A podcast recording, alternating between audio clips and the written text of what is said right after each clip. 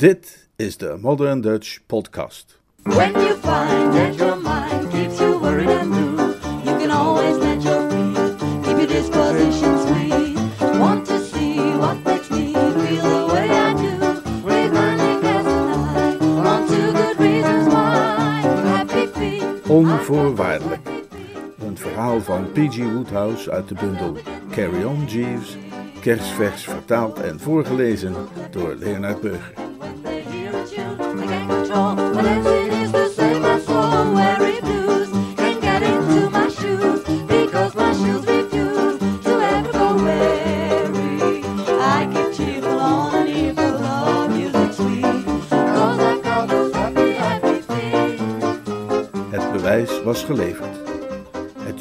Apparaat had feilloos gewerkt. De man met de pruik klemde zijn pince nee, die eruit zag alsof hij ieder moment van zijn neus kon glijden, weer wat steviger vast, kuchte als een schaap met een stil verdriet en bracht ons het slechte nieuws. De verdachte woester, zei hij, en wie zal Bertrams leed en schaamte beschrijven zich al dus te horen aangeduid, wordt veroordeeld tot een boete van vijf pond.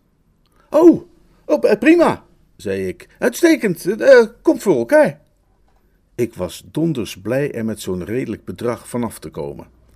Ik spiedde door wat dan heet de zee van gezichten en ontwaarde Jeeves op de achterste rij. De brave kerel was gekomen om zijn jonge meester bij te staan in dit uur der beproeving. Zeg Jeeves, kweelde ik, heb jij misschien vijf pond voor me? Ik zit even zonder. Stilte, bulderde een of andere bemoei al. Rustig maar, zei ik. Ik regel alleen even de financiële details. He- heb je dat bij je, Jeeves? Ja, meneer. Te gek. Bent u een vriend van de veroordeelde? vroeg de man met de pruik. Ik ben in Mr. Woesters dienst, edelachtbare, als zijn persoonlijke bediende. Betaal dan die boete aan de klerk. Heel goed, edelachtbare. De man met de pruik gaf een killig knikje in mijn richting, alsof hij wilde zeggen dat mij nu de boeien van de polsen konden worden genomen, en na zijn pince nez nogmaals te hebben opgehezen, wierp hij vervolgens mijn arme vriend Sippy een van de smerigste blikken toe die ooit zijn waargenomen in het hof van de politierechter aan Bosher Street.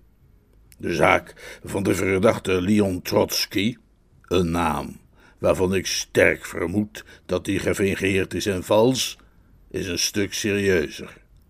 Hij wordt veroordeeld voor een liederlijke en gewelddadige aanslag op de politie. Het getuigenis van de betreffende agent toont duidelijk aan dat de verdachte hem in de buikstreek heeft getroffen met ernstige pijnen tot gevolg en dat hij deze ook anderszins gehinderd heeft in de uitvoering van zijn taak.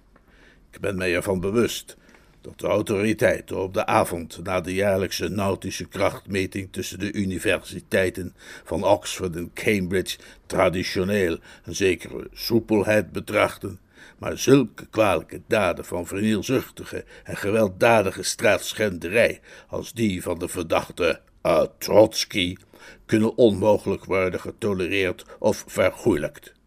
Hij zal een celstraf moeten ondergaan van dertig dagen onvoorwaardelijk. Nee, nee maar, eh, zeg, nou, nou, nou, wat, potjandori, protesteerde die arme Sippy.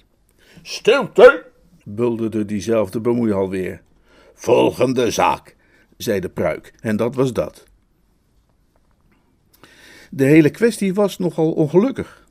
Mijn herinnering is wat verward, maar voor zover ik de feiten weet te reconstrueren, is dit min of meer wat er gebeurd was een gematigde drinker als ik gewoonlijk ben, is er één avond per jaar waarop ik alle andere afspraken opzij zet en mijzelf enigszins laat gaan, ten einde iets van mijn verloren gegane jeugd terug te vinden, als het ware. De avond waar ik op duid, is die na het jaarlijkse waterduel tussen de universiteiten van Oxford en Cambridge, of anders gezegd, de avond van de grote bootrace. Wanneer u Bertram ooit in de Lorem ziet, dan moet het op die avond zijn. En bij deze specifieke gelegenheid, dat geef ik rustig toe, had ik mij rijkelijk te goed gedaan. Met als resultaat dat ik, toen ik vriend Sippy tegenkwam tegenover het Empire, in een bijzonder goedmoedige stemming was. Het ging me dan ook nogal aan het hart te zien dat Sippy, die gewoonlijk de vrolijkste is onder de feestvierders, deze keer allerminst zijn zonnige zelf was. Hij gaf de indruk of hij een verborgen leed met zich meedroeg. Bertie, zei hij terwijl we in de richting liepen van Piccadilly Circus, het hart door het droevenis neergebogen, klampt zich aan de geringste hoop. Hoewel voor zijn dagelijkse behoeften afhankelijk van de welwillende bijdrage van een oude tante die buiten de stad woont, is Sippy zo'n beetje een schrijver. En zijn conversatie krijgt daardoor vaak een literair tintje. Het probleem is dat ik geen hoop heb om mij aan vast te klampen, zelfs niet de geringste. Ik ben de klos, Bertie. Hoezo, beste knul? Vanaf morgen moet ik drie weken gaan doorbrengen bij een stel absoluut suffe, nou nee, zeg, zeg maar rustig uitgesproken stomzinnige vrienden van mijn tante Vera. Zij heeft dat geregeld. En mogen de vloek van een neef alle bollen in haar tuin doen bladderen en verdorren. Wie zijn die druiloren dan? vroeg ik. Mensen die pr pring, pr Pringle heten. Uh, ik, ik, heb ze niet meer gezien sinds ik tien jaar oud was, maar ik kan me goed herinneren dat ze me toen al troffen als Engelands meest vooraanstaande sufkoppen. Dikke pech. Geen wonder dat je zo uit je humeur bent. Wereld, zei Sippy, is grijs. Hoe kan ik deze gruwelijke depressie nog ooit van me afschudden? En het was op dat moment dat ik zo'n helder idee kreeg als een mens alleen maar krijgt, zo rond half twaalf op de avond na de grote bootrace. Wat jij nodig hebt, best kerel, zei ik, is een politiehelm. Meer nou, Bertie. Ja, en als ik jou was, zou ik nu hier recht de straat oversteken om die helm daar ginder in beslag te nemen. Ja, maar Bertie, zit een politieman in, kun je duidelijk zien. Wat maakt dat nou uit, zei ik. Ik kon zijn redenering eenvoudig niet volgen. Sippy bleef even staan peinzen. Ja, ik geloof, geloof dat je gelijk hebt, zei hij tenslotte. Rij dat ik er zelf niet op gekomen ben. Dus jij raadt mij aan om die helm daar te confisceren. Absoluut. Oh, dan doe ik dat, zei Sippy en hij klaarde zichtbaar op. Ja, zo stond het er dus voor. En u kunt wel begrijpen dat toen ik als vrij man uit het beklaagde bankje stapte, het berouw niet weinig aan mij knaagde.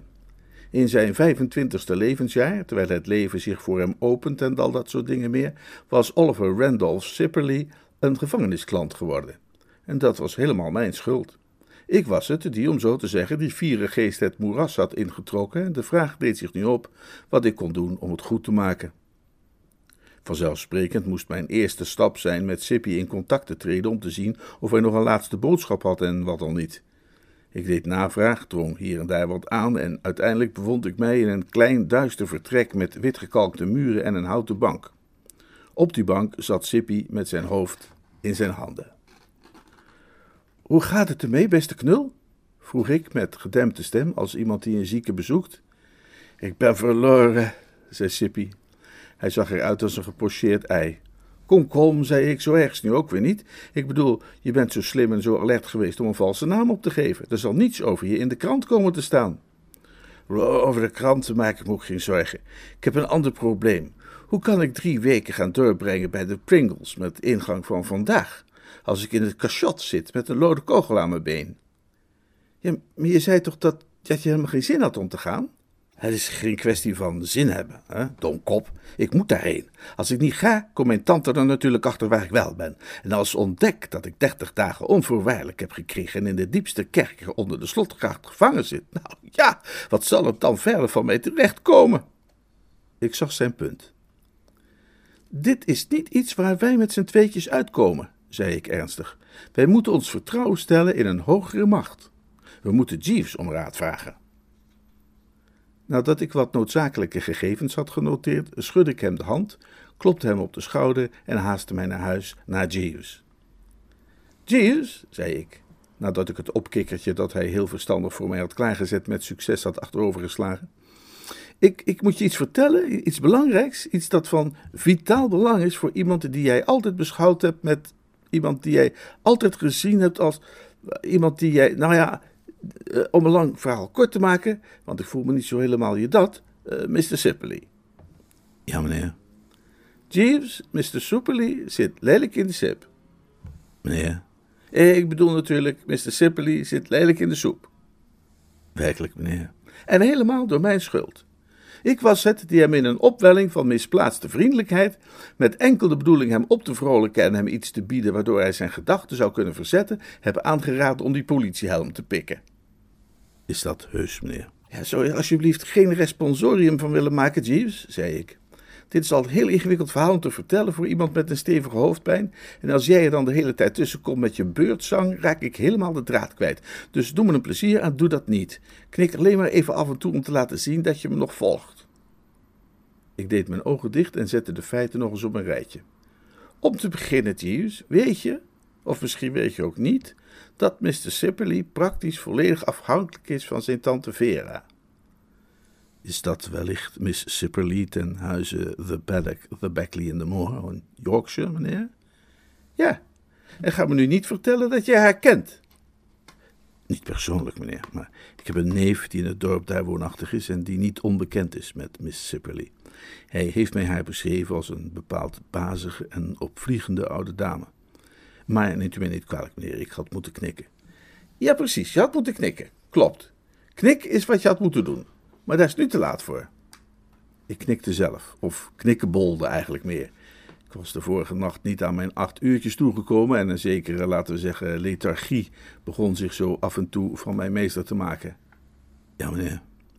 Oh, eh, eh, ja, zei ik en gaf mezelf een denkbeeldige schop. Waar was ik gebleven?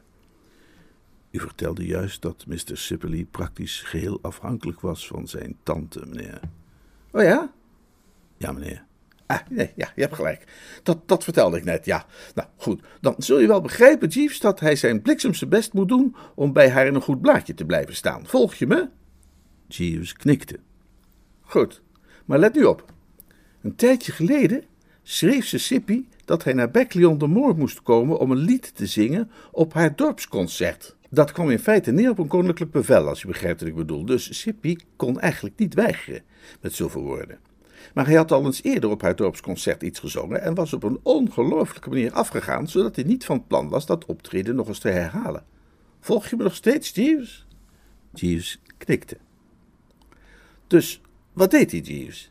Iets wat hem op dat moment uitgesproken slim leek.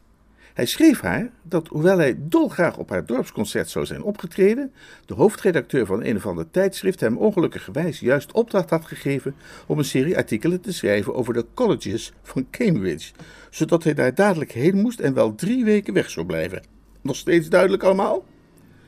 Jeeves boog de kersenpit. Waarop Bessepeli terugschreef dat zij volkomen begrip voor had dat werk voor plezier ging waarbij plezier haar losse manier was om het zingen van liedjes op het dorpsconcert van Beckley on the Moor en vervolgens uitgelachen te worden door het lokale tuig te omschrijven. Maar dat hij, als hij naar Cambridge ging, beslist zou moeten gaan logeren bij haar vrienden de Pringles, die daar vlak buiten de stad woonden. Ze schreef die Pringles een briefje dat ze Sippy konden verwachten op de 28ste en de Pringles schreven een briefje terug dat het prima was en daarmee was het geregeld. Maar nu zit Mr. Sippely dus in de bak.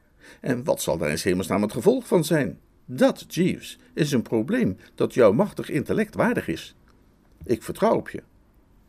Ik zal mijn best doen uw vertrouwen niet te beschamen, meneer. Vooruit dan maar dus. En doe alsjeblieft inmiddels de blinden dicht en breng nog wat kussens. En, en, en zet dat kleine stoeltje zo neer dat ik mijn voet erop kan leggen. Dan kun je verder even ergens anders gaan nadenken. En laat me dan over een uur of twee of misschien drie horen wat je bedacht hebt. Hè? En als er iemand belt of me spreken wil, zeg dan maar dat ik dood ben.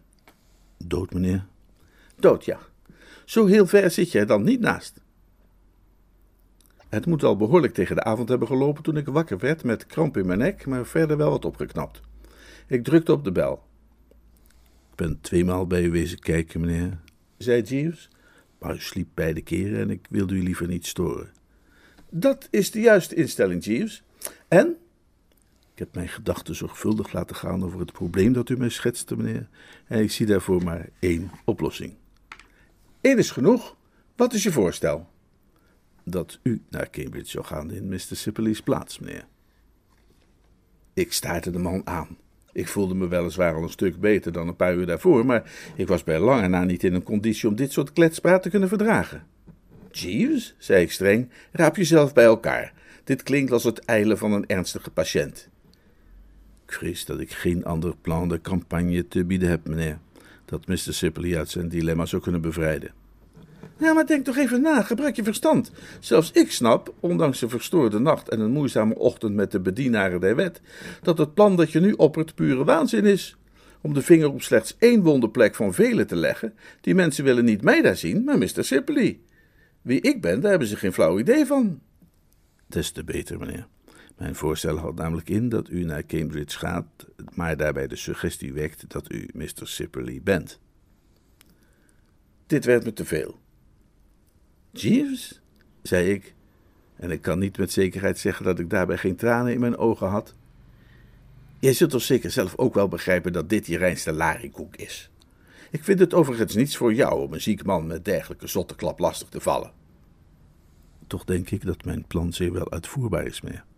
Ik heb terwijl u sliep enige woorden met Mr. Sibley kunnen wisselen en hij deelde mij mee dat professor en Mrs. Pringle hem niet meer onder ogen hebben gehad sinds hij een knaap was van een jaar of tien. Nee, dat klopt, dat heeft hij mij ook verteld. Maar dan nog, ze gaan hem natuurlijk allerlei vragen stellen over mijn tante, of, of liever over zijn tante. En, dan blijf ik natuurlijk nergens. Mr. Sipley was zo vriendelijk mij een aantal details te verschaffen met betrekking tot Mrs. Sipley meer, en ik heb die voor u genoteerd. Daarmee, en met wat mijn neef mij heeft verteld over de gewoonten van Milady, zult u, naar ik meen, in staat zijn iedere normale vraag te beantwoorden. Jeeves bezit een bliksemsluw trekje. Sinds wij samen zijn, heeft hij mij telkens opnieuw verbijsterd met een of ander op het eerste gezicht waanzinnig voorstel, project, draaiboek of plan de campagne, waarna hij mij binnen vijf minuten ervan heeft weten te overtuigen dat het weliswaar een beetje geschrift, maar toch ook heel zinnig en solide was. Deze keer duurde het bijna een kwartier om mij te overtuigen, omdat dit wel het idiootste plan was tot nu toe, maar het lukte hem uiteindelijk toch. Ik wist mij lang te verdedigen tot hij plotseling die finale slag wist toe te brengen. Ik zou u hoe dan ook aanbevelen, meneer, om Londen zo spoedig mogelijk te verlaten en u terug te trekken op een plek waar u niet gemakkelijk kunt worden gevonden. Hé, wat? Hoezo? Het afgelopen uur heeft Mrs. Spencer al driemaal geprobeerd u telefonisch te bereiken, meneer. Tante Agatha? riep ik uit, terwijl ik verbleekte onder mijn gebruinde huid. Ja, meneer. Ik begreep uit haar opmerkingen dat zij in de avondcourant een verslag had aangetroffen van de gebeurtenissen van deze morgen bij de politierechter. Ik sprong op van mijn stoel als een prairiehaas of lepus campestris. Als tante Agatha op het oorlogspad was met haar hakbijl, was een tactische verandering van locatie zeker aan de orde. Jeeves, zei ik, dit is een tijd voor daden, niet voor woorden. Pak de koffers en wel dadelijk. Ik heb ze reeds gepakt, meneer. Zoek uit wat de eerste trein is richting Cambridge. Die vertrekt over veertig minuten, meneer. Bel een taxi. De taxi staat voor de deur, meneer. Mooi, zei ik. Leid mij derwaarts. Huizen Pringle lag nog een flink stukje buiten Cambridge, een kilometer of drie richting Trumpington. En toen ik daar arriveerde, was iedereen zich aan het kleden voor het diner. Het was daarom pas nadat ook ik mij in de gepaste kledij had gehesen en weer was afgedaald naar de salon, dat ik kennis kon maken met de bemanning. Hallo, hallo, hallo, zei ik, binnenstappend nadat ik eens diep had adem gehaald. Ik trachtte met heldere en welluidende stem te spreken, maar ik voelde mij niet in een erg jolige conditie. Voor een gereserveerd en verlegen mens is een eerste bezoek aan een vreemd huis altijd al een zenuwslopend gebeuren, en het wordt er niet gemakkelijker op wanneer hij zich daarbij moet voordoen als iemand anders. Ik ervoer een aanzienlijk gevoel van beklemming, waar het gemiddelde voorkomen der verzamelde Pringles al heel weinig verlichting in bracht. Sippy had hen beschreven als Engelands meest vooraanstaande uitwassen, en ik kreeg de indruk dat hij er niet ver naast kon zitten. Professor Pringle was een dunnige, kalige, dyspeptisch uitziende figuur met schelvisogen, terwijl Mrs. Pringle oogde als iemand die slecht nieuws had gekregen rond het jaar 1900 en dat nooit helemaal te boven was gekomen. Ik begon nog maar nauwelijks te herstellen van de impact die zij beiden op mij hadden gemaakt, toen ik werd voorgesteld aan een stel bejaarde dames die vrijwel geheel onder enkele lage sjaals schuilgingen. Je herinnert je ongetwijfeld mijn moeder, zei professor Pringle met een grafstem, daarbij duidend op museumstuk A. Oh, uh, ja, juist, zei ik, waarbij het me lukte iets van een glimlach te produceren. En mijn tante, zuchtte de prof, alsof het toch allemaal steeds erger werd eigenlijk. Wel, wel, wel, zei ik, een nieuwe glimlach lancerend in de richting van museumstuk B. Zij zeiden vanmorgen nog dat ze zich jou herinnerde, kreunde de prof, alle hoop verder opgevend. Het bleef even stil. Het bleef even stil. Het volledige ensemble staarde mij aan als een huishouden uit een van Edgar Allan Poe's minder opgewekte vertellingen en ik voelde mij een joie de vivre bij de wortels afknappen. Ik herinner mij Oliver inderdaad, zei museumstuk A. Ze zuchtte diep. Hij was een alleraardigst kind. Wat jammer, wat jammer. Heel tactvol en bijzonder geschikt om een gast op zijn gemak te stellen. Ik herinner mij Oliver ook, zei museumstuk B en keek me aan op ongeveer dezelfde manier als de pruik naar Sippy had gekeken voordat hij zijn vonnis uitsprak. Een heel onaangenaam joch. Hij plaagde voortdurend mijn kat. Tante Jane heeft een fantastisch geheugen. Zeker wanneer je bedenkt dat zij binnenkort 87 wordt, fluisterde Mrs. Pringle met een droefgeestig soort trots. Wat zei je tegen hem? vroeg het museumstuk achterdochtig. Dat u nog zo'n fantastisch geheugen hebt. Ah! Het brave oude wijfje tuurde me nogmaals aan. Ik kon wel zien dat er vanuit die hoek geen vrije vriendschap ten opzichte van Bertram zou opbloeien. Hij zat mijn Tibby door de hele tuin achterna en schoot op haar met zijn pijl en boog. Op dat moment kwam er een kat onder de sofa vandaan en wandelde met recht opgestoken staart op mij toe. Katten zijn altijd nogal op mij gesteld, en wat het des te treuriger maakte dat ik werd opgezadeld met Sippy's oude strafblad. Ik boog voorover om het dier achter zijn oor te kroelen, zoals mijn gewoonte is, maar het museumstuk uitte een doordringende kreet. Hou hem tegen! Hou hem tegen! Ze sprong naar voren met verrassende lenigheid voor iemand van haar leeftijd, tilde razendsnel de kat op en bleef me staan aankijken met een bitter verzet in haar ogen, alsof ze me tartte ook maar iets te doen. Hoogst onaangenaam. Ik, uh, ik, ik hou van katten, zei ik zwakjes. Het mocht niet baten. Ik kreeg niet de sympathie van mijn gehoor. De conversatie was, wat je zou kunnen noemen, op een dieptepunt gekomen toen de deur openging en er een meisje binnenkwam. Mijn dochter Heloïse, zei de professor knorrig, alsof hij het niet graag toegaf. Ik draaide me om en wilde haar de hand schudden, maar bleef haar daar met half uitgestoken vlerk staan aanstaren. Ik geloof niet dat ik ooit van mijn leven heviger ben geschrokken. Ik neem aan dat iedereen wel eens ervaren heeft hoe het is om iemand tegen te komen die griezelig lijkt op een of andere angstaanjagend persoon die je kent. Ik bedoel, bij wijze van voorbeeld, ik heb zelf wel eens tijdens een golfvakantie in Schotland een vrouw het hotel waar ik logeerde zien binnenlopen die het sprekend evenbeeld was van mijn tante Agatha. Als ik het had afgewacht, was het waarschijnlijk een keurig en vriendelijk mens gebleken, maar ik heb dat niet afgewacht. Ik ben er diezelfde avond nog vandoor gegaan omdat ik die aanblik eenvoudig niet kon verdragen. En bij een andere gelegenheid werd ik uit een verder uiterst plezierige nachtclub verdreven door het feit dat de gérant mij al te sterk deed denken aan mijn oom Percy. Tja, en Heloïse Pringle leek op de meest gruwelijke manier op Honoria Glossop. Ik geloof dat ik u al wel eens eerder verteld heb over die Glossop-bezoeking. Zij was de dochter van Sir Roderick Glossop, de gekke dokter. En ik ben zeer tegen mijn zin drie weken met haar verloofd geweest, totdat die oude heer godzijdank het idee kreeg dat ik niet helemaal goed snik was en een einde maakte aan alle trouwplannen.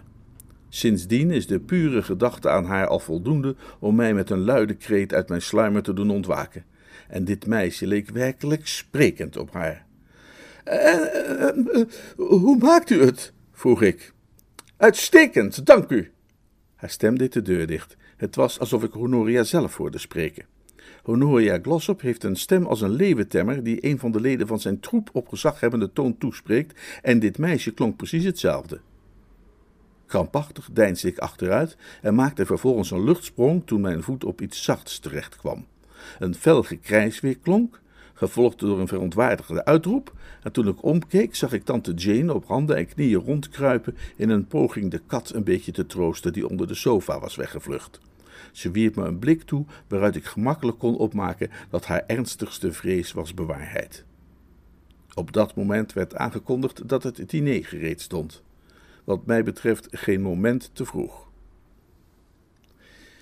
Jeeves, zei ik, toen ik hem die avond alleen te spreken kreeg, ik ben geen angsthaas, maar ik ben geneigd te veronderstellen dat deze excursie wellicht toch een tikje te veel van het goede zal blijken te zijn. U vindt geen plezier in uw bezoek, meneer? Nee, Jeeves. Heb jij Miss Pringle gezien? Ja, meneer, van enige afstand. Dat is ook de beste manier om haar te zien. Heb je haar een beetje goed bekeken? Ja, meneer. Deed ze jou niet aan iemand denken? Ze leek mij een opmerkelijke gelijkenis te vertonen met haar nicht, Miss Glossop, meneer. Haar nicht? Je wilt toch niet zeggen dat zij een nicht is van Honoria Glossop? Ja, meneer. Mrs. Pringle was ooit Miss Bletherwick, de jongste van twee zusters, van wie de oudste getrouwd is met Sir Roderick Glossop. Grote genade, dat verklaart de gelijkenis. Ja, meneer. En wat een gelijkenis, Jeeves. Ze praat zelfs net als Miss Glossop. Werkelijk, meneer. Ik heb Miss Pringle nog niet horen spreken. Nou, daar heb je dan niks aan gemist. Maar waar het op neerkomt, Jeeves, is dat dit bezoek, hoewel ik vriend Sippy voor geen goud in de steek zal laten, wel eens een bijzonder zware beproeving kon worden. Die prof en zijn vrouw kan ik met een beetje moeite nog wel verdragen. Als ik me bijzonder inspan, ben ik zelfs tegen tante Jane nog wel opgewassen. Maar van een man een dagelijkse omgang te verwachten met die Heloïse, en dan nog wel op niets dan limonade, wat alles was dat bij het diner geschonken werd, is echt te veel gevraagd, Jeeves. Wat moet ik doen? Naar mijn idee zou u het gezelschap van Miss Pringle zoveel mogelijk moeten zien te mijden. Nou, diezelfde geweldige gedachte had mij ook al getroffen, zei ik. Het is natuurlijk prima om luchtig met elkaar te babbelen over het mijden van zeker vrouwelijk gezelschap. Maar eh, wanneer je met dezelfde vrouw in hetzelfde huis verblijft en zij jou helemaal niet mijden wil, is dat nog best lastig. Het is trouwens ook meer algemeen iets wonderlijks in het leven dat juist de mensen waar je bij voorkeur bij uit de buurt zou blijven, altijd als een kleefpleister aan je blijven plakken. Ik was nog geen 24 uur in dat huis eer ik begrepen had dat ik meer dan me lief was te zien zou krijgen van die verschrikking. Zij was zo'n meisje dat je altijd en eeuwig tegenkomt op trappen en in gangen. Ik kon geen kamer binnengaan of een minuut later kwam zij daar ook binnengewaaid. En als ik de tuin inliep, sprong ze gegarandeerd tevoorschijn van achter een lauwerstruik of een bed met sieruien. Tegen de tiende dag begon ik last van achtervolgingswaan te krijgen. Jeeves, zei ik, ik krijg last van achtervolgingswaan. Nee, En het is niet eens een waan, dat kind achtervolgt me overal. Ik heb geen moment meer voor mezelf. Vriend Sippy zou hierheen komen om een studie te maken van de colleges in Cambridge en ze heeft mij vanmorgen minstens 57 laten zien. Vanmiddag wilde ik wat in de tuin gaan zitten, maar ze overviel me vanuit een hinderlaag en ze bevond zich opnieuw in mijn midden. En vanavond hield ze me voortdurend aan de praat in een hoekje van de salon. Het is inmiddels zover dat als ik een bad neem, ik niet verrast zou zijn als ze opdook uit het zeepbakje. bijzonder ergerlijk, meneer. Zeg dat wel. Heb jij daar geen oplossing voor bij de hand? Niet direct, meneer. Miss Pringle lijkt uitgesproken geïnteresseerd te zijn in u, meneer. Vanmorgen stelde zij mij vragen met betrekking tot uw levensstijl in Londen. Wat? Ja, meneer. Ik staarde de man vol afschuw aan. Een afgrijselijke gedachte had mij getroffen en ik rilde als een espenblad. Tijdens de lunch was er die dag iets merkwaardigs gebeurd. We hadden juist de coteletjes verorberd en ik ging wat achterover zitten op mijn stoel om even rust te nemen alvorens mijn rantsoen gekookte fruitpudding te krijgen toebedeeld, toen ik toevallig opkeek en de blik ving van Heloïse, die ze op mij gericht hield op een nogal eigenaardige manier. Stond er aanvankelijk niet bij stil, want gekookte fruitpudding is iets dat je onverdeelde aandacht vraagt wanneer je er een beetje van genieten wilt. Maar in het licht van Jeeves' woorden kreeg die kleine passage een lugubere betekenis die mij eigenlijk nu pas ten volle trof. Op het moment zelf was die blik mij weliswaar vreemd bekend voorgekomen, maar nu begreep ik ineens waarom. Het was dezelfde blik geweest die ik had waargenomen in de ogen van Honoria Glossop in de dagen vlak voor onze verloving. De blik van een tijgerin die haar prooi heeft gekozen.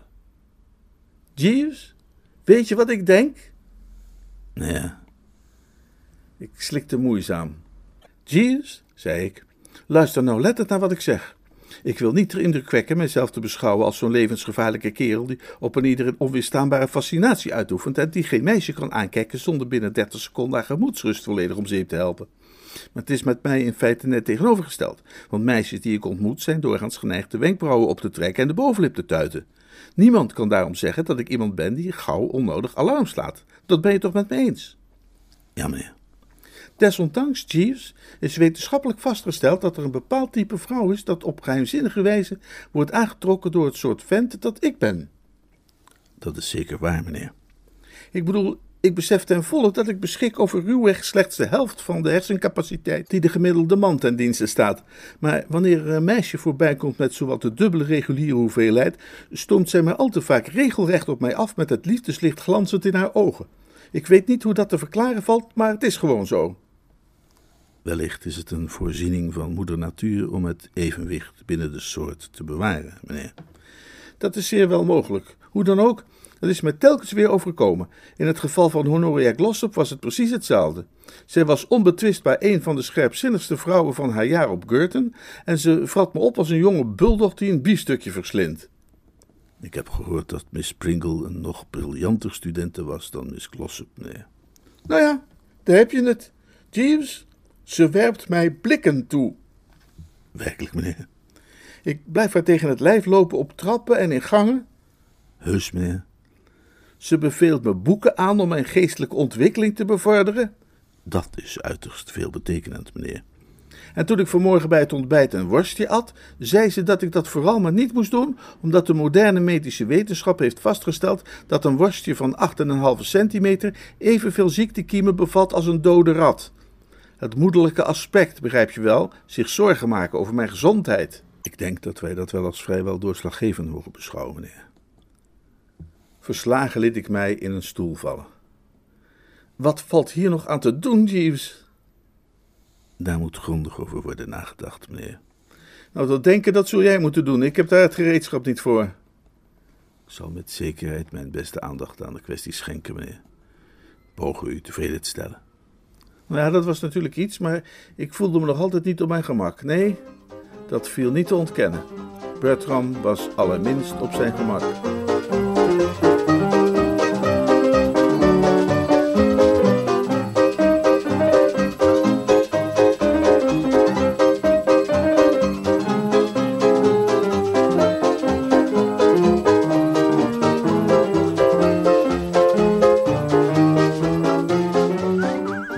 Was het eerste deel van Onvoorwaardelijk. Een verhaal van P.G. Woodhouse uit de bundel Carry On Jeeves. Volgende week hoort u bij de Modern Dutch Podcast het tweede en laatste deel van dit verhaal.